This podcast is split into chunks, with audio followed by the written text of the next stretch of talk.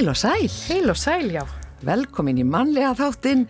Í dag er mánudagur og það er 5. júni í dag og það vilt nú bara þannig til að eh, við setjum hér, Guðrún Gunnarsdóttir og Gíja Holmginsdóttir, í stúdíónu okkar, hljóðverðinu hér á Akureyri. Já, svo sannarlega. Á Rúvak eins og við köllum það. Á Rúvak og hér er oping glukki meiri segja út í solskinnið og náttúruna. Já. Þannig að ef það heyrist í einhverjum bílflautum eða eitthvað svoleiðis, þá er það bara gaman. Já, það heitir lifandi útvarp. Lifandi út. Það er bara svoleiðis og uh, það var bara svona okkar ákvörun að ég segi ekki kannski flýja leiðilega veðrið fyrir sunnan en hér er að minnstakosti mjög hlýtt, ég held að sé 14-15 stegi hitti, e, það er sól, það er kannski aðeins skýja núna sem er nú bara gott með að við erum í útsendingu að minnstakosti en það er svona gott að endur nýja kynni sín af sólinni. Við hefum ekki séð mikið af henni fyrir sunnan. Svo sannarlega hér eru allir uh, sólbakaðir. Já. En við skulum fara yfir hvað gerðist á þessum degi 5. júni í gegnum tíðina.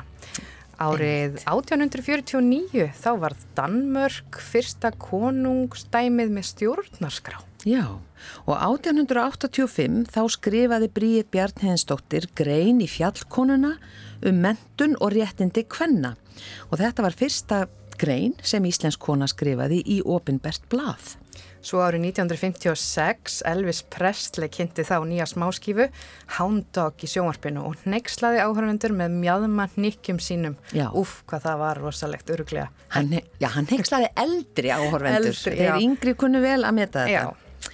Svo var þetta danski selskap sem var stopnað í Reykjavík 1923 og takmark þess var að ebla sem mest og best samstarf Íslendinga og Dana og vinna að menningarlegum tengslu milli þjóðana og aðal kvatamaður að stopnum þess var Böggald þáverandi sendi herra Dana á Íslandi. Svo árið 1967, surt segjar gósinu lauk það hafði þá staðið yfir í þrjú og hálft ár. Og svo var það óperan Silkitromman eftir Alla Heimi Sveinsson og Örnól Árnason. Hún var frumsynd á listaháttíð í Reykjavík 1982. Og að því við vorum að minnast á menningu og menningarsamstarf millir Íslendinga og Dana. E, það er svona leiðir hugana að þessu menningarspjalli sem við ætlum að hefja mannlega þáttin á í dag. Já, nefnilega, við ætlum að fjalla um hvað einkenni menningarlandsleið hér á Akureyri, svona í upphafi þáttar, hvað einkenni grasrótina, hvernig er lífið í listagilinu og bara almennt um eh, menningarstarfsemina hér og til þess að ræða allt þetta og meira til þá fáum við til okkar, það er Kristínu Þóru Kjartansdóttur, staðarhaldara og listrannan stjórnanda í Flóru menningarhúsi í Sigurhæðum og Þurriði, Helgu Kristjánsdóttur, sjálfstæð starfandi verkefnastjóra og myndlistamann. En þær hafa lifað og hræst í menningarlífinu hér á Akureyri í fjölda ára. Svo er það vingillin e, frá hennu Guðjóni Helga. Guðjón Helgi er skúfuskáldu okkar góða úr flóanum og e, að þessu sinni þá leggur hann vingilin að minnistæðustu viðburðum vetrarins og ég hveti okkur til þess að missa ekki að þeim písli. Svo er það lesandi vikunar sem verður hér á sínum stað og að þessu sinni kemur til okkar hingaði hljóðver á Akureyri listakonan Rakel Hinriksdóttir. Rakel sinnir bæði rittstörfum og myndlist, auk þess að starfa við félagsstarfið á öldrunaheimilinu Hlýða á Akureyri. Og þessu utan er Rakel mikill lestrar hestur. Við fáum að vita allt um hennar eftirlæti spækur og höfunda hér á eftir. En við byrjum á tónlistinni og í dag er það Helena Eyjóls sem hefur leikja okkur í Rökkuró, læðir Ellend, Jón Sigursson samti textan og þetta er upptaka úr ríkisútarpunu frá árinu 1958.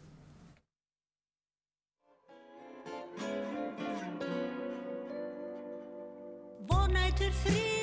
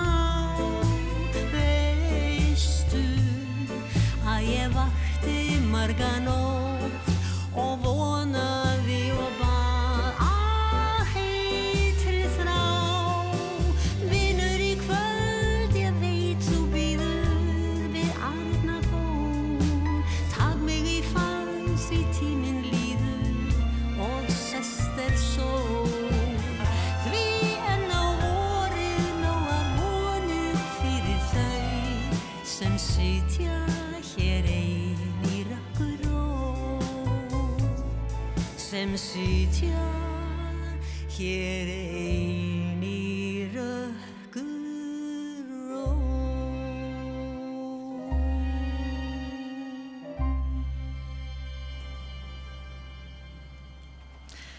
Já, þetta var lagið í Rökkur Ró, svo sannarlega ekki upptaka frá árinu 1958, heldur bara tiltölulega nýtt, þetta er nokkur ára gamalt.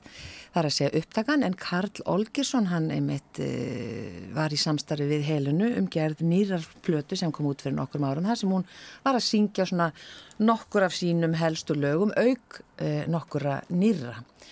Og eh, já, þá erum við búinar að leiðrétta það, en hinn upptakan eh, sem við kallum orginal, hún er frá árinu 1958. Já, og við getum einhvern tíma að spila hana senna, Já, en það er alltaf gaman að heyra þessar upprunalegu upptökur. En þá er komið að menningar spjalli. Við ætlum að fjalla um svona hvað einkenni menningarlandslæðið á Akureyri og hinga til okkar eru komnar. Það er Kristín Þóra Kjartansdóttir, staðarhaldari og listarætt stjórnandi í Flóru menningarhúsi í Sigurhæðum og Þurriður Helga Kristjánsdóttir sjálfstætt starfandi verkefnastjóri og myndlistamæður og þær hafa nú einmitt lifað og hræst í menningar senunni hér á Akureyri í fjölda ára. Verðið velkonar, báða tvær. Já, takk fyrir. Var þetta ekki fyrir. bara rétt kynning? Þið hafið lifað og hræst hérna í menningar senunni. Mm, jú. Jú, það ég bara. Mjög hóværi og svona Í áratugi. í áratugi. Nei, en, en hvað, sko, ef við byrjum bara á þessari stóru, stóru umfangsmiklu spurningu, hvað einkenni menningarlandslæði hér á Akureyri og ef við byrjum bara á þér, Kristín Þóra. Já, þetta er auðvitað stór spurning en mér finnst hún bara mjög auðsvöruð og ég held að við búum hérna bæði við mjög öfluga listamenn á öllum sviðum, myndlistafólk, uh, rítlistafólk, uh, leik, leikara, leikhúsfólk og, og hönnuði og eins líka mjög öfluga stopnanir og enga rekna staði sem að eru að gera mjög ólíka hluti þannig að, að og þetta skiptir þetta mjög miklu máli að hafa, hafa bæði öfluga listamenn og öfluga stopnanir og að það sé ágætt samtal og sam, samspil þarna á milli og þessi fjölbreytileiki. Það er náttúrulega bara alveg magna sko. Eins og núna með helgina var maður bara ég er bara eiginlega þreytt eftir helgina. Þá er svo mikið um að vera hérna í menningarlífinu. Reyndar ekki bara á Akureyri á bara líka út á Siglufyrði og Ólasfyrði og inn í Dal og allstaðar bara, mikið stuð. Mm Ertu samanlega þessu? Já, algjörlega. Og það er einmitt þetta samspil stofnana og græsrútar sem að Kristi nefni sem að mér finnst engina menningarlíf hérna í bænum. Og græsrútin er mjög sterk en á sama tíma er líka menningarstofnana sterkar. Og það skiptir svo máli held ég fyrir um, menninguna hérna að hafa þessar atvinnustofnanir svona til þess að já, koma með uh, þá sín og þau laun inn í starfsemina en á sama tíma skiptir græsrútin stofnaninnar öllu máli. Þannig að þetta samspil er bara mjög gott og virt hérna á Akureyri. Já. Já. Og að því þú talar um Ólasfjörð og hérna Siglufjörð, hvert er svona samstarf, já, milli þessara eða bara í þessum landsluta milli bæjarfélaga? Í menningargerðinu? Já, í menningargerðinu. Er það öflugt eða mætti það vera Mm, já. meira? Það er náttúrulega ákveð svona samstæðstundum í gegnum einhver, einhver, eh, einhver ákveðin verkefni. Hérna við höfum til dæmis verið með lítið verkefni í gangi í Flóri menningarhúsi sem heiti Pastilrítröð og þá, það er náttúrulega mjög krútlegt en við höfum verið að vinna mikið með öðrum stopnunum og, og, svona, og, uh, og listamannreknum stöðum hérna á svæðinu. Í viðbörðarhaldi og svoleiðis og það eru þetta alltaf eitthvað svoleiðist í staðar held ég. Já, einmitt farið í, Túra. túrum- túr- túrið í Norðausturland sem að Já, það er alltaf skemmtilegt svæði til þess að túra um. um en, en sko, uh, Sigurhæðir, við hefum aðeins komið inn á það. Þú ert þar að stýra listrænu starfi Já. og þessu menningarhúsi, Flóru menningarhúsi í Sigurhæðum. Hvað segðu okkur aðeins frá? Uh, það eru þetta menningarstarf sem hefur svona byggst upp núna undanfærin 1-2 ár. Já. Hvernig hefur það verið? Já, þetta er bara æðislegt finnst mér. Bara, bara, um, bara er uh, að það er mjög margt að gerast þarna og uh, uh, við byrjum með vinnustór fyrir þess listafólk og, og, og skapandi aðila og fólk í skapandi hugsun og hugmyndavinnu líka og það er alltaf nokkur með vinnu aðstöðu á staðnum. Uh, hérna, það eru meðalið þurjur, það er Mm, líka núna og hérna og, uh, og mikil fjölbreytileiki þar líka og síðan er við með að aðalhæðin alltaf opna fyrir uh, almenning uh, svona, í svona sex mánuði á, á, yfir árið og erum nýlega búin að opna aftur. Og þar er svona heldar framsetning þar sem erum bæði að, að miðla menningararfinum en síðan líka að sína ferska list og, og verk eftir um, eftir að sagt, listafólk og, og skapandi fólk hér á svæðinu og annar staðar og til dæmis er Guðni Rósa Ingimarsdóttir núna með mjög flott fersk verk innan, í, innan um gamla menningararfin þannig að það skap, skapast svona bara mjög spennandi samtal. Og svo er alls kys viðburðir í gangi. Til dæmis er, er tónlistakonan Fanny Kristjáns og, og uh, Daniel Starrason uh, uh, ljósmyndari og, og tónlistarmadurinn hennar uh, líka að koma og er með viðburð hjá okkur á morgun klukkan 5 þannig að það er líka allskinn svona eitthvað sem, að, sem er að gerast og, og gerjast á, á staðinu, staðinum hjá okkur Já, og Þurriður, þú myndist á að þú ert þarna með vinnustofu Já. í Sigurhæðum og, Já. og þetta er auðvitað gamalt, þetta er hús Mattiasar Jökumssonar og hans uh, konu. Uh, hvernig er, er svona menningar, finnum maður fyrir menningar andanum í þessu húsi? Já, og þetta er allan að dásanlegt andurslóft þarna inni og bara, já, ég finn fyrir mikill andagift, ég hérna, vinn líka svolítið mikið með gamla texta og hérna, og svona hefbundin uh, útsaum og, og þess að þar, þó að ég uh, setja það inn í nýtt form, að þá hérna, finnst ég, já, mér finnst bara andrúsloftið í sigurhæðum og, og samfélagið þarna, bara vera virkilega hérna, göfugt fyrir mitt, mína listarannstarfsemi. En svo að þú myndist að áðan að ég veri sjálfstátt starfandi verkefnumstjóri, þá er ég reynda núna hérna, launþegi hjá Norðursló hérna, neti Íslands og, og er að vinna að ráðstöfnu þar. Þannig að ég er líka með svona fasta vinnu þó að Já. ég sé hérna, líka með testamæður. En aðeins að sko, þú ert mikið að fást við, já, líka bara móta framtíðina, sínina inn í framtíðina, hérna í menningar landslæginu mm -hmm. og það er til dæmis kannski námið sem að, e, að geta lært listir hér á svæðinu og þú hefur nú eitthvað komið að því að skipulegja Uh, ég sín inn í það. já, ég sem sé fekk uh, það verkefni hjá hérna, SSNE og, og hérna, fleirum að, að skoða aðeins hvernig sem sé fylgja eftir málþingi sem var hérna haldið í mars uh, 22 eða eða 21 og hérna var uh, það sem var að vera fjallum listnám á háskólastígi og hvernig það var hægt að koma því að hérna á Akureyri. Og það er svo mikil bæði áhugi uh, það er gríðarlega mikil áhugi á því að fá listnám hinga norður meðal sem sé fólk sem er í uh, ungmenni sem eru í framharskólum það hafa gerð viðtak könnun síndi að margir sem hyggjast á uh, hyggja á listnám uh, vilja koma hinga norður í listnám og þar af voru, var stærstu meirlutin sem að vildi fara í, í myndlist. Og þarna samstarf milli listaháskólans og háskólans væri eitt kostur uh, annar kostur væri bara að vera með annan skóla sem að tengdist á jafnvel háskólanum eða þá einhvers konar samstarf við hérna, Erlenda háskóla. Þannig að það er alls konar möguleik sem kom til greina en það er ennþá bara á umræðasti hvernig þessu útværslu verður. Já, þannig að það, er enn nokkur ári í þetta. Ég veit sko ef að samstarfs listaháskólans og, og háskólans gengur eftir að þá þarf ekki að vera mörg ári í þetta því að þá er allt til staðar. En uh, hinarleginar eru kannski lengri en tími líður mjög rætt þannig að ef við viljum fara aðra leið þá þurfum við bara að breytta upp mörgmar en það er, það er Karolina Baldunsdóttir sem hefur leitt þetta starf af mikill einurð Já, akkurat. Hvað, hvað finnst ykkur vanta inn í uh, svona menningarlífi? Hvað væri á óskalistanum hjá ykkur? fleiri, fleira yngra listafólk Já. sem að er hérna það vantar næstu kynslu Mhm. í rauninni sko. Mhm. Þa, það, núna er, eru sérst unga listafólkið hér á svæðinu er bara líka eldast Mhm. þannig að, að, að við þurfum að halda áfram að, hérna að allt svo leiðilt að segja framleiða listamenn.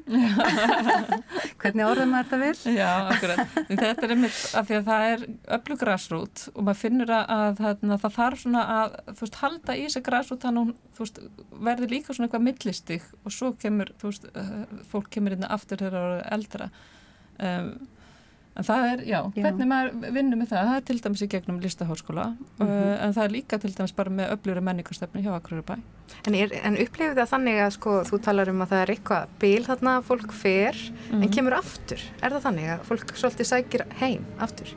Já, það er alltaf einhverjir sem að er að koma, Mhm. koma aftur og ég Já. meina það alltaf er marg búið að og það nýjum líka, ekki bara, fó- ekki bara gamlir akurungar, þetta er líka bara fólk sem að er að koma annar stað frá og líka erlendis frá og alltaf einhverjir sem koma sér til stað hérna. Mhm. en alltaf búið að marg sína fram á það að, að, að háskóla, háskólanám náttúrulega og framhaldsskólanám bindur fólk á svæðinu og er eigur líkvöldin á því að fólk setja í stað Já, þannig að akkurat. það er auðvitað mjög öflugur faktor í þessu Mhm. Þannig að það er blómlegt uh, lista umhverfið hérna á Akureyri. Já, heldur betur Greinilega. Eh, bara svona eitt í lokinu það er svo margir ferðamenn alltaf á Akureyri. Eh, hvað er svona helst fyrir börnin? Svona hverju, hverju myndu við mæla með? í menningarlífinu Já, mikið af fjölskyldu fólki sem kemur hinga með börn. Hvað, hvað ætti það að gera annað en að fara í sund?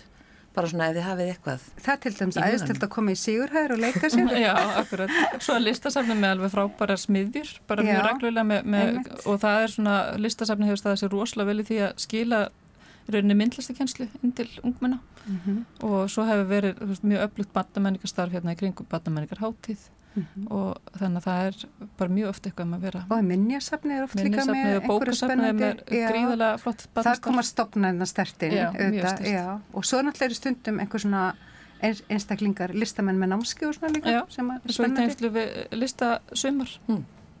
Frábært að heyra. Ég mæli einmitt með tröppunum þannig hjá Sigurhæðum ef maður er með krakka. Þeim finnst þú að gaman að príla í það er ræðislega þær eru ræðislegar. Já. En takk fyrir að koma hinga til okkar, Þurriður Helga Kristjánsdóttir og uh, Kristín Þóra Kjartansdóttir og segja okkur aðeins frá svona menningarlífinu hér á Akureyri. Og já, Þurriður, ég ætla nú að fá að enda þetta á að spila lag eftir uh, Brendu Bananana sem er hljómsveit sem að dóttir þín er einmitt í, Jú, talandi um jú. Já, einmitt. Takk fyrir það. Bestu þakkir. takk, takk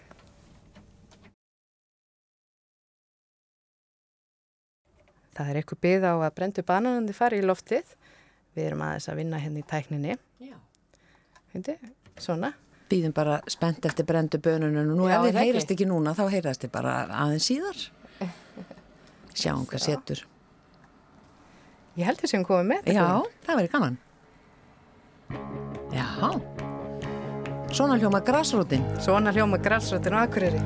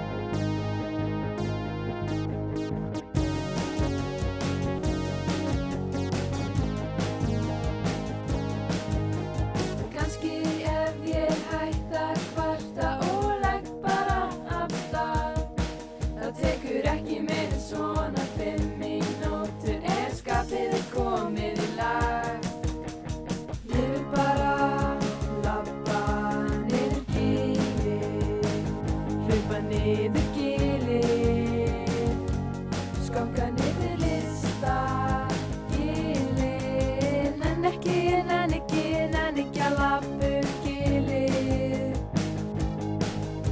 Ég nenn ekki, ég nenn ekki, ég nenn ekki að lafu gilir. Já, þetta er lægið, ég nenn ekki að lappa upp gilið, það eru margir sem tengja við það hérna í þessari uh, brekkuborg eða bæ. Brendu bananandir er hljómsveitin og það eru þar Hekla Solveig Magnúsdóttir og Sigrún Freygerð Finnsdóttir. Það eru 16 og 17 ára nefnendur báðar við mentaskólan á Akureyri. Já, en úr þessu yfir í skúfuskáldu okkar góða úr flóanum, það er pistill dagsins frá hannu Guðjóni Helga og í dag leggur hann vinkilina minnistæðustu viðburðum vetrarins. Ágætu hlustendur, hvað skildi nú vera minnistæðast frá nýjafstöðunum vetri? Ég hugsaði mikið um þetta á leiðinni heim úr síðustu fermingarveslu ásins á dögunum. Það er 11. þetta árið eða 12. ég bara manið ekki lengur. Hann Eithór Hjalti, frændi minn, sem vorkendi mér eiginlega aðeins að þurfa að mæti svona margar fermingaveslur, hann bauð mér nefnilega í grillparti í tilefni að fermingadegi sínum í svo kallum Guðmundarlundi sem er mjög skemmtilegt útivistarsvæði í umsjón Skóratafélags Kópavogs og heitir eftir Guðmundu H. Jónssoni sem hófa á gróðursetja í Lundin árið 1967 og stopnaði líka byggingavöruverslun Kópavogs.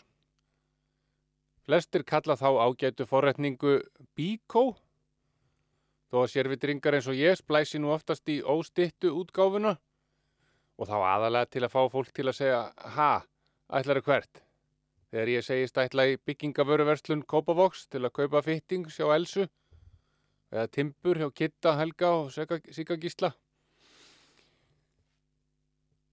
Ég er engin sérstakur aðdáandi þess að skamstafa en verð þó að viðkenna því fylgir ákveðið hagræði, sérstaklega þegar um mjög löng orðir að ræða, eins og til dæmis áfengis og tóbaksverslun ríkisins, nú eða bandalag starfsmanna ríkis og bæja, eða upp á þýskuna Bayerische Motorenwerke, eða Maschinenfabrik Augsburg Nürnberg AG, sem við þekkjum betur í skamstöfunum ATFR, BSRB, BM2FF og MAN. Við Íslendingar stöndum okkur endur ekki betur en svo að BM2FF er æfinlega borið fram BMWF og MAN verður bara MAN hjá okkur á hveð metnaðaleysi, en skilst svo sem. Þó lendi ég í heilmiklu menningarsjokki fyrir nokkrum árum var þá stoltur eigandi mann vörbifriðar, menn. Til að gera stuttasögu langa þá hafði ég eignast framdrifstrukk sem verið hafði tankbíl hjá uh, kaufélagi skaffringa, verið mjölkubíl. En oltið út í einhvern skurðin hann fyrir norðan og rukka svo lítið á sér ennið og aðra framhörðina. Einhver framtagssamur hafði útvegar sér svipaða hurð og þá sem skemmtist lami dittnar til þannig að hún passaði nokkur neginn í gatið, hengt á þetta ágætan speil og kalla gott. En ég er svo mikil pjattrófa að mig langaði í samstætt hurðarspjald við það sem príti vinstri hurðuna og að þeirri hægri og, og hóf leitar aðgerðir á internetinu. Sló inn leitarorðin Used Man Parts til að byrja með og ætlaði að þræða mig þaðan. Skemst frá því að segja að niður stöður fyrstu leitar inniheldur hluti sem hafa ekki svo mikið með vörubifriðar að gera, þannig. En gætu vissulega glatt einhverja bílstjóra á frívakt, best að láta það dótt ekki tröfla sig við akstur samt. En aftur af því sem er minnistætt frá liðnum vetri, vissulega margar fermingaveslur. Ég þekki greinilega margar sem hafa eignast barn eftir hrun, sem er auðvitað fagnaðarefni. Hér var ekki svo mikið um að vera þá heldur og um að gera nota tíman í eitthvað uppbyggilegt og allt er þetta frábærlega efnilegt fólk sem erfa mun landið ef við gamla liðið verðum ekki búin að leggja hér allt í rúst. Fermingaveslur er eiginlega bara erfiðar heima áður maður leggur af stað og þykist vera ómissandi hlekkur í þeirri miklu reyðhjóla keðju sem er reyfiafl alls heimsins. En svo þegar maður er komin á staðinn og byrjaður að týna upp í sig rækjubrautertu Södra gulan braga og farin að spjalla við skemmtilegt fólk er keðjubisnessin laungu glemdur. Hlustendur verða kannski varir við svo litið regndrópa hljóð núna. Ég er á skrítnum stað að taka upp. Því láti það ekki tröflikur. Eh, annað sem að mér verður minnistætt frá nýlinum vetri er óveinu mikið sjómaskláp. Sérstaklega eftir áramót. Ég fór til dæmis í gegnum seríurnar um Mandalorian og Andor sem spunnar eru frá söguþræði Star Wars kvikmyndana og taka þeim að mínu mati fram að flestu leiti. Þetta var bara heilmikil vinna og skemmtilega en maður kom auðvitað ekki nokkrum sköpum hluta öðrum í verk þau kvöldin og það gildir auðvitað um alla neyslu og listaverkum. Maður verður að vilja. Vilja kynna sér það sem listafólki hefur fram að færa. Hvort sem það er að lesa bók, fara á listsýningar, hlusta á tónlist, horfa á kvikmyndir eða gera það sem þú ert nú að gera, vinnu minn, hlusta útvarp. Ég gæti auðvitað alveg streðað allan vökutíman á þess að gefa öðru gaumin fréttum og veðri, hef svo sem alveg tekið svo leiði sirpur í gegnum tíðina, en þá verð ég óskup leiðinlegur. Eins og norst rökkbrauð í opnum pakka sem hefur orðið eftir sumarlangt í efstu búrhillu í fjallakofa. Jújú, jú, getur séð manni fyrir einhverju grundvallar næringu, en gerir ekki það sama fyrir andan eins og flatkökur frá guggum ákonu, kvartómu þygt lag af íslensku smjöri og þykkar sneiðar af hangikjöti. Það er matur sem liftir stemmingunni og kemur manni til byggða á ný. Alveg eins og skemmtileg bók eða kvikmynd getur komið litum í gráan hvertagsleikan. Eina tilraun gerði ég líka nú síðvetrar og gæti einlega talist viðbörur, þannig, já, já, en hún er að kaupa mér ramagsrakvel. Ég hef aldrei þólað slík verkfæri, hvernig sem á því stendur. Og kannski verður engin breyting þar á. Ég reyndi síðast að nota slikt verkfæri fyrir um það byrjum 15 árum síðan og fannst ég eins og reittur gæsasteggur á hættir. Þessi nýja er aðeins skárri en hinn, þannig að kannski hafa árið einhverjar framfærir þó að ég sjá ekki munin. Finnst þetta drast allt líta eins út? Kannski bara gríman á mér orðin eitthvað móttækilegri fyrir svona meðferð með hækkandi aldri. Eða það sem verra er að ég sé ekki eins vel og ég gerði og finnst þetta ekki alveg eins lélegur rakstur þess vegna. Ég býð allavega aðeins með húrarhrópin. Og fyrst ég að byrja að ræða bóksorgir, er ekki úr vegi að fara alla leiði að útlista hversu tilbreytinga og innihaldslausu lífi einn miðaldra maður getur lifað og um leið verið nógu vittlust til að tala um það í útvarpinu að þá brauti ég á mér tönn í vetur. Og hún var marg viðgerð ómöguleg, Hallur Granni var búin að vara mig við fyrir mörgum árum.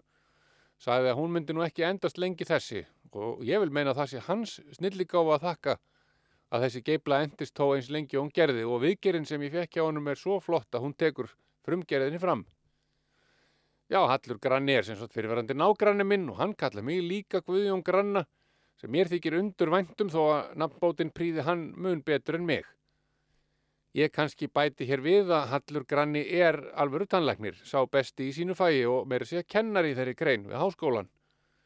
Við vorum ekkit að drekka landa í bílskúrnum, hlusta á Djúdas Prist og eksperimenta með tannlækningar og síðkvöldum út á langanissu um árin. Þið mig alls ekki halda það. Þó er rétt að geta þess að ég reynsaði spísana á loksuðutækjunum mínum með notuðum tannrótarborum frá Halli í mörg ár með góðum árangri. Þannig að vissulega hafa okkar leiðir í atvinnumálum skarast lítilega. Góður drengur Hallur og allt hans fólk. Fyrir digga hlustendur er kannski ekki svo erfitt að giska á hvar, hvað mér verður helst minnistætt að loknum þessum langa og fúla vetri. Það er bansettur snjórin. Já, það kvíta og kalda fyrirbæri sturtaðist hér yfir okkur í byrjun desember og fauk fram og tilbaka um allt. Ég mókaði og mókaði eins og steininspil í læginu góða, en alltaf kom þessi ófögnuður aftur og tróð sér inn um allt. Dag eftir dag var ófært í minni góðu sveit sem alla jafna er eins og snjóléttast á Íslandi. En svo þegar maður fór til fjalla og ætlaði að ösla snjóin, þar sér til skemmtunar, var ekkert að finna nema örlittla föl og allir skóvarp. Síðast núna í morgun var ég pyrraður vegna snjókomunar í vetur. Þó er hann löngu bráðnaður en ég sé að snjóðrunningsæfingar mínar í vetur hafa gert það að verkum að mölin sem Steinar vinnu minn kerði hinga á hútskaníun í fyrra er komin út fyrir bílastæðið. Og verður þar auðvitað til bölvunar, ætli ég endi ekki með að raka henni saman með hrífu einhverja óveðursnóttina og fái blöðurur í lofa. Þá er svo sem alveg eftir því. Eitt er þó með snjóin blessaðan, maður getur svo vel búið sér aðeins í hægin. Til dæmis er reynd að hafa ekki hluti sem hægja á skafrenningi norðan við veg. Í skafrenningsáttinni þá er nefnilega viðbúið að snjórin falli til jarðar og taki til við að mynda skabla sem auðvitað verða jafn háir og það sem fyrir er. Ég hefði til dæmis alls ekki átt að setja pallhúsið á bílnum mínum norðan við, ekki heldur timburstablan og tvo gamla traktora sem gerðu auðvitað ekki annað en að búið til snjóskabla. Þessu verði ég að muna eftir að breyta fyrir næsta vetur. Þó auðvitað væri alveg eftir ég að þá kem ekki eitt einasta snjókotn á hlaðið, sem væri kannski best. Og þó það ennú gaman að leika sér í snjónum aðeins ef allt er í hóflegum og eðlilegum hlutföllum. Sem betur fer stjórna ég ekki veðrinu. Það er tónveitlisa og sennilega heimsendir, eitthvað þaðan að vera. Ég myndi alltaf hugsa um sjálfan mig og aldrei um eitthvað annað sem virkilega skiptir máli. Eins og til dæmis að við þurfum nú vatn í ár og læki hérna. Það þarf að vögva gróður jarðar og svo erum við að búið til ramagn með þessu líka og sína ferðafólkinu, bæði snjó og vatn. Nei, það er best að ég kom ekki nálagt við stjórnun. Ég er ágættur í að eiga við afleðingarnar hins vegar. Góðar stundir. Já, það var hann Guðjón Helgi hér með vingil vikunar. En nú er komið að lesanda vikunar og hún er að þessu sinni, eða lesandin, Rakel Hinriksdóttir, listakona hérðan frá Akureyri. Og hún Rakel sinnir bæði rittstörfum og myndlist og starfa líka við félagsstarfi á öldrunaheimilinu Hlýð hér á Akureyri. Og eins og svo margir sem koma hérna í þennan uh, dagskrálið, þá er hún mikill lestrarhestur, hún Rakel. Og uh, hjartanlega velkomin í þáttin. Takk fyrir það. Uh, svona fyrst, þú ert uh, sinni bæði rittstörfum og, myndlist og ert kynntið hérna eins sem listakonu og ert nú nýlega búin að gefa út bókið mitt. Já, hérna, ég var svo heppin að vera bóðinn um, af Kristínu og Hlínihall sem eru með sem sagt pastelrit, svo kalluð. Kristín Þóra var einmitt hérna áðan í, Já, í spjallu um Ég menningarlífið. rakst á hérna frammi, mjög hugulegt. Þau sem sagt gefa út hérna uh, svo kalluð pastelrit sem eru, úst, og ég fekk að gefa út rit nummer 35, þannig að það er sérst komið 35 og uh, mitt heitir Ringfari og er svona hérna hvað maður að segja, svona lýsing í máli og myndum á svona því þegar einstaklingur uh, tengist náttúrunni mjög eðlilega sem barn og svo missir maður tenginguna vegna, hvað maður að segja, bara mannlífsins og hérna samfélagsins sem einhvern veginn heldur manni svo alltaf upptöknum til að taka eftir náttúrunni. Um, og svo einhvern veginn svona saga af því að, að fara heilan ring með því í raunin að tengjast upp á nýtt og, og hérna og, he- og já, upplifa svolítið svona aftur þessa barslegu tengingu við náttúruna. Akkurat, áhugavert. En þá að þér sem uh, lesanda, lestu mikið? Já, ég les mikið. Ég, hérna, ég las rosalega mikið þegar ég var krakki og úlingur og hérna svo svona náttúrulega vikur alltaf svolítið fyrir skólabókum og svona, mann, maður fær alltaf samvinsku bytt þegar maður er að lesa eitthvað annað en skólabækunar og meðan maður er á því skeiði í lífinu. Um, þannig að það svona mingaði aðeins þá svona indislesturinn ef maður kallar það en uh, ég svona hef alveg náð, náð því alveg svona vel upp aftur eftir að maður var búið með skóla árin og þetta allt saman. Mm Og hvernig er það, finnst þið best að, að lesa með gamla góða sko, bókina í hönd eða ertu meir í rafbókunum eða, eða eru hljóðbækur þinn vettvangur? fer svolítið eftir í, sko, hvað, hvað það er sem ég er að lesa. Mér finnst, reyndar er ég bara nýlega búin að taka rafbækur í sátt, sko. Mér fannst óbúslega erfitt að, að hlusta ég, og ég misti alltaf aðteglina. Um, þú veist, ég þurfti einhvern veginn bara að setja með bók til þess að ná að halda aðteglinni. Um, en svo núna þá, hérna, tókst mér það fyrir, ég veit ekki fyrir svona ári síðan, þá tókst mér að klára rafbók í fyrsta skipti og það var líka sko, það var greild afreg, það var sko salkavalka sem er alltaf 18 eða 19 klukkstundir uh, og ég var bara rosalega stolt sjálfur mér og síðan þá hef ég alveg náð að, hérna, að komast í gegnum hérna rafbækur. Já, til hamingi með hennan áfanga. Takk, ég var í alveg mjög stolt af mér sko, það er alveg þannig. En þú valdir uh, nokkra bækur út af því að það er nú hefðin hér í þessum, uh, já, hjá lesandavíkunar að velja svona nokkra bækur sem að, já, mm, eru mikið uppáhald og hafa fyllt þér svona í gegnum tíðina. Þannig að, hvað er svona fyrsta bókin sem að þú valdir? Sko, um, þegar ég var að hugsa um svona bækur sem að höfðu áhrif á mig þegar ég var barn og þá, þú veist, dætt mér fyrst í hug Astrid Lindgren og ég hef lesið örgulega flest sem hún hefur skrifað, svona þetta allan sem að þýtt á íslensku og hérna, uh, og þá stóði ég upp úr hérna Elsku Míó minn. Já. Ég las hana tölvert oft og það, ég veit ekki alveg hvað það var akkurat við þá bók en, en ég var alltaf svolítið heitluð að þessum bókum sem að um, voru ekki, það var ekkit allt vola auðvelt að svona maður einhvern veginn, það var svona svolítið tilfinningadýft einhvern veginn í þessum bókum eins og þessari og bróðum með ljónsherta og svo á íslensku til dæmis að bænja mig dúfa, úrst, svoleiðsbækur um, ég, mér fannst alltaf einhvern veginn, ég heitlaðist að svona bókum. Mm Og Astrid Lindgren, var hún ekki já, eina fyrstu, kannski mögulega bara fyrsti barnabókahöfundurinn til þess að skrifa um dauðan og hafa það með? Jú, þú veist, öruglega, ég er ekki sérfræðingur í því, en, veist, en ég hann að maður var ekki búin að, að lesa um dauðan í, í hérna, öðrum bókum, sko. Það, ég man ekki eftir því. Um, þannig að þetta var eiginlega, og allan ekki á svona einhvern veginn fallegan hátt, skiluru.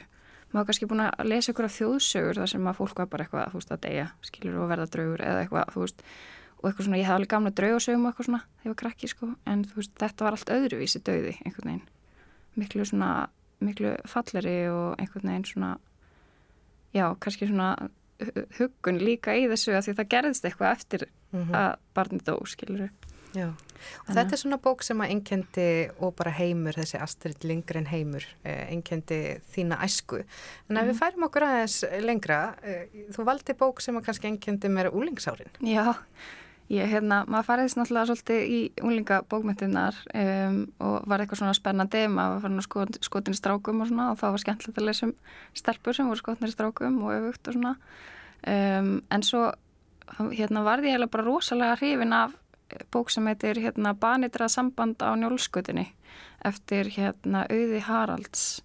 Ég bara rakst á þessa bók þegar ég var heima hjá ömmu einsinni um, og svona var eitthvað svona látt mig leiðast og fór í hérna hillunar hjá föðubróðum mínum og sem að er tölvört eldri en ég sko, þetta var eitthvað svona gamlar unglingabækur frá honum. Já. og þá fann ég þessa og ég settist upp í sofa og ég bara gæti ekki hægt að lesa, ég las alla og ég bara hló uppátt og, og hérna og fannst hún svo skemmtileg sko og ég las hann í hvert skipti sem ég kom í heimsvöndlum það fór bara hann aftur. Þannig já, þetta er svona já, ég veit ekki, þú veist, svo þessi kaltani og svona einhvern veginn svona svona svolítið svarti húmor og hérna já, ég veit ekki, það var svona og þetta einhvern veginn, þessi samskipti mömmunar og sonarins þú veist, þú voru bara, þú veist, svo ógeðslega fyndin, sko.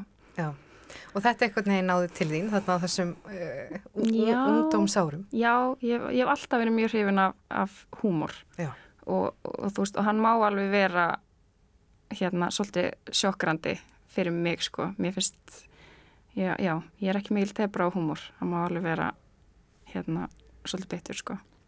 Þannig já, já, ég er mjög gaman að auði Haralds með það, sko. Hún er opbóðslega fyndin, en á sama tíma er alltaf einhver svona þú veist, öllu grín fylgir, al, fylgir alvara sko, þannig að það er, þú veist, og svo þegar maður er eldri og ég man að þegar ég las bókina aftur um, þegar ég var um tölvist eldri bara búin að lesa hana sem unglingur og svo las ég hana aftur setna, þú veist, eftir að ég semst var bara eignast börn sjálf og svo fyndi það að þú veist, þegar ég var unglingur að lesa þessa bók þá tengdi ég svo svakalega við drengin, sko, sonin Mm.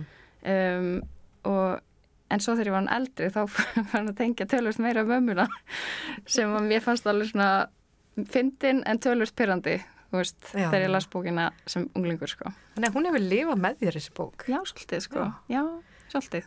Og lest hann ennþá heima hjá möðinu afa eða ertu búin að fá þér þitt eigið eintak? Nei, ég nefnilega hef ekki ennþá fundi. Ég er alltaf að leita hann í hertags. Ég kaup mér alveg bækur hérna í hertags hérna upp í, uh, hvað hva kallar maður það? Er það ekki svona hérna nýtjamarkaður Jú. uh, hjálpræðsessins? Jú, akkurat. Kaupi rosa mikið af bókum þar og ég er alltaf að skima eftir henni þar og finna hana aldrei. Einn daginn myndu finna hana. Já, það verður góðu dagur. En þú ert varst að segja okkur núna frá baneitruðu sambandi á njálskutinu eftir hana auði Haraldsdóttur sem að e, þú hefur haldið upp á. E, hvaða fleiri bækur?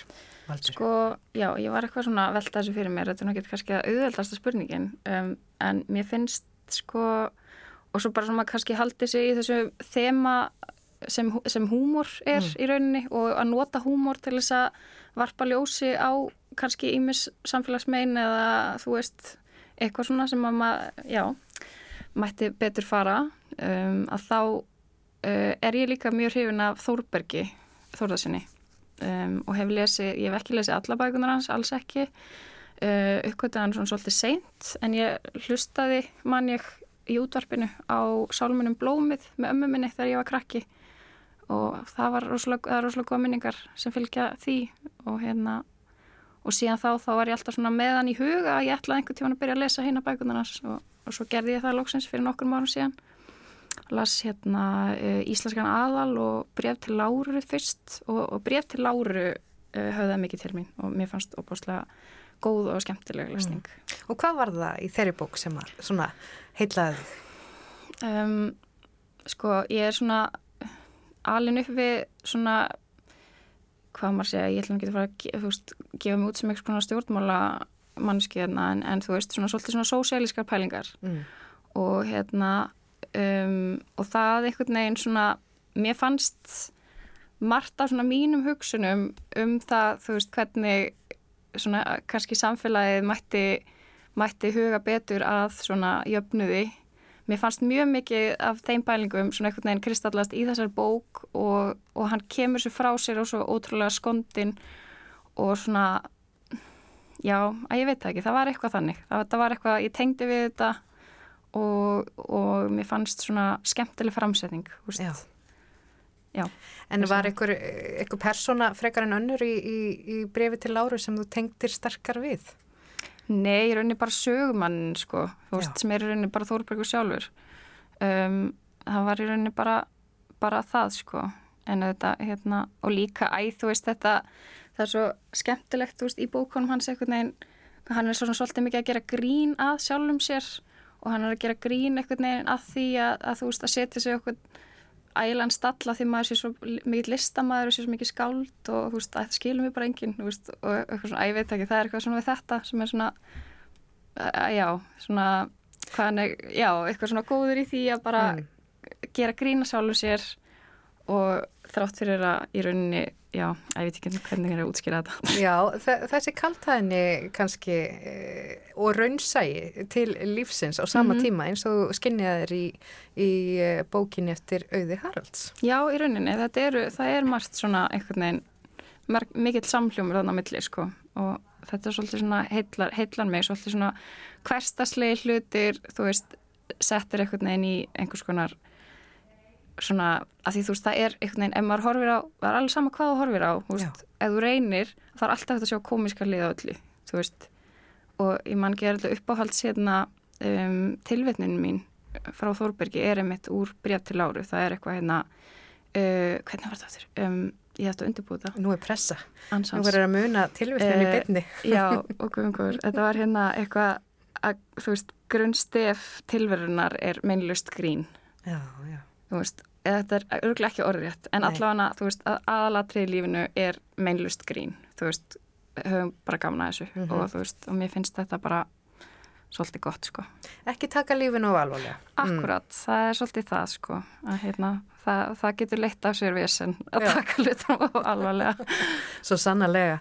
Um, ein bók í viðbót, við náum einni bók svona sem að hérna hefur Sko, ég hérna, svona í setni tíð hef uh, fengið mik mikil, mikil áhuga á sko, svona alls konar heimsbyggi pælingum og, og lesið mikið á svona okkur greinum og, og hérna og svona um mismunandi heimsbyggi stefnur og svo les og festist svolítið í hérna bók og ég með hana eiginlega bara alltaf á mér þessa bók, hún heitir hérna Meditations eða, og ekki búið þýð á íslensku held ég eftir Markus Aurelius sem var hérna Rómakeisari. Um, eitthvað tíman bara hann rétt eftir Krist sko. Og mér fannst þetta þú veist, ótrúlega fyndið eitthvað að þú veist, hans einhvern veginn þetta er svona hans pælingar um tilveruna sem er einhvern veginn, og mér finnst svo fyndið þetta er bara svona einhver, einhver karl sem að sko á sínu tíma þú veist, er lang mikilvægast að mannvera jarðarinnar. Já. þú veist, að eigin þú veist, ég menna, hann veit ekki meir, skiluru hans heimur er bara Rómaveldi og hann er þar aðal kallinn, skiluru Mm. og hann er að skrifa svona heimspekilega pælingar um tilveruna og bara einhvern veginn hlutverk mannana og, og samband mannana við náttúruna og við hvern annan. Og hérna og þetta er svo ótrúlega einhvern veginn þú veist, á svo mikið við einhvern veginn í samtímanum líka þú veist, og það sýnir manni svo mikið hvað einhvern veginn mannlega, þið mannlega eðli hefur ekkert breyst mikið. Rammarnir okkar hafa bara breyst en það er, svona svo, það er svo fyndið að vera bara eitthvað einhver, þú veist, ung kona hérna á Íslandi og er bara að tengja við þennan, þú veist, kall, skilur sem að Þennan Rómar keisara. Rómar keisara, þú veist, og hann Mm. skrifar mest af þessu, sko, í hérna herbúðum Já. þar sem að þeir eru að reyna, þú veist, að sigra heiminn í einhverju stríði endalaust og þú veist, ég er ekki sérstaklega fylginn stríði eða ég myndi ekki, finn, myndi ekki finnst það að vera góð hugmynd það sem hann var að gera, það sem í þessu aðstæðan sem hann var í, en hann virtist geta einhvern veginn stunda einhverja hugleyslu eða eitthvað og bara tengt svona við einhvern veginn, Mm. já, svona Og te- pælingar. Og textarnir hans, greinilega, og tala til þín. þeir gera það, þeir gera það. Og það er svona, hann er líka partur af þessari svona stóísku heimsbyggi sem að mér, mér finnst mjög áhugaverð og margt í sem að ég er svona reynda að tilenga mér svona einhvern veginn að reyna að, að komast svona einhvern veginn í gegnum þetta er eiginlega bara að koma svolítið í gegnum daginn án þess að láta hluti hafa ómikil áhrif á sig. Þú veist, það er svolítið mikið það. Og einhvern veginn geta meira fylst með því hvernig manni líður heldur en einhvern veginn að láta berast með öllum tilfinningunum eins og eitthvað svona strá í vindi skilur Já. þannig að já, þetta er svona það er svona, þetta tengist bara svolítið einhvern veginn líka bara því sem Þórbergur var að skrifa og þú veist, þetta er sennilega bara svipuð stemning í þessu öllu saman Og þú ert alltaf með þessa bók á þér, sagður. Já, Ertu ég með hana bara næstu því núna hérna í törsku hjá þér? eða? Já, og þú veist, ég fletti bara reglulega upp í henni og lesa eitthvað. Og svo hef ég líka alveg verið að hlusta á hérna uh, hlaðvörp, það er hérna, hérna sem heitir Practical Stoicism. Fyrir þá sem á áhuga á þessu, þá mæl ég með því, þá er hérna einhver amerískur heimsbyggingur að taka svona hverja hugleðingu fyrir sig og þú veist, ræða um hvernig hún getur átt við í, í þú veist, í nútímanum og svona, þetta er mjög skemmtilegt. Já, áhugavert og gaman að vita að þú sérst alltaf með þessa bók á þér. Já, Það er hlýtur að vera kær bók. Já, hún er það sko. En svona rétt bara stuttlega í lokin. Hvað ert að lesa akkurat núna? Hvað er á náttborunum hjá þér? Herðu, ég hérna er núna eiginlega svolítið að kafa aftur ofan í hérna, uh, þú veist, fjársjóðskistuna sem er Harry Potter Já. sem er hérna mjög skemmtilegt. Ég byrjaði að hlusta á fyrstu bókina með sinu mínum. Hérna, hann er nýja, að verða nýjára og, og lóksis hérna telur sig verið tilbúin til þess að byrja á Harry Potter sko. Þannig ég er mjög spennt að því að ég elska þetta þegar ég var krakki og lasi þetta allt eins og ég veit ekki hvað, þegar kom út ný bók þá fór ég ekki að sofa fyrir en ég að búa með hana sko. Mm -hmm. Að margir tengja við það. Þannig að lífið þitt núna snýst um Harry Potter og, og, og svona nostalgist Já, samband. og ég komin langt á undan honum sko. Ég komin í fjóruðbók og hann er ennþá fyrstu sko. Þannig já, ég get ekki stoppað. Það var gaman að fá þig hingað í mannlega þáttin. Takk fyrir að vera lesandi vikunar Rakel Hinriksdóttir. Takk fyrir það. Og Takk fyrir að fá mig. Þá er komið að lokum hér í mannlega þættinum. Við Guðrún Gunnarsdóttir höfum verið hér saman. Og mannlega þátturinn verður aftur á dagskrá á morgun og við erum að senda út frá Akureyri, hvorki meirinni minna. Og við verðum aftur hér að norðan heiða á morgun. En þanga til, verið sæl.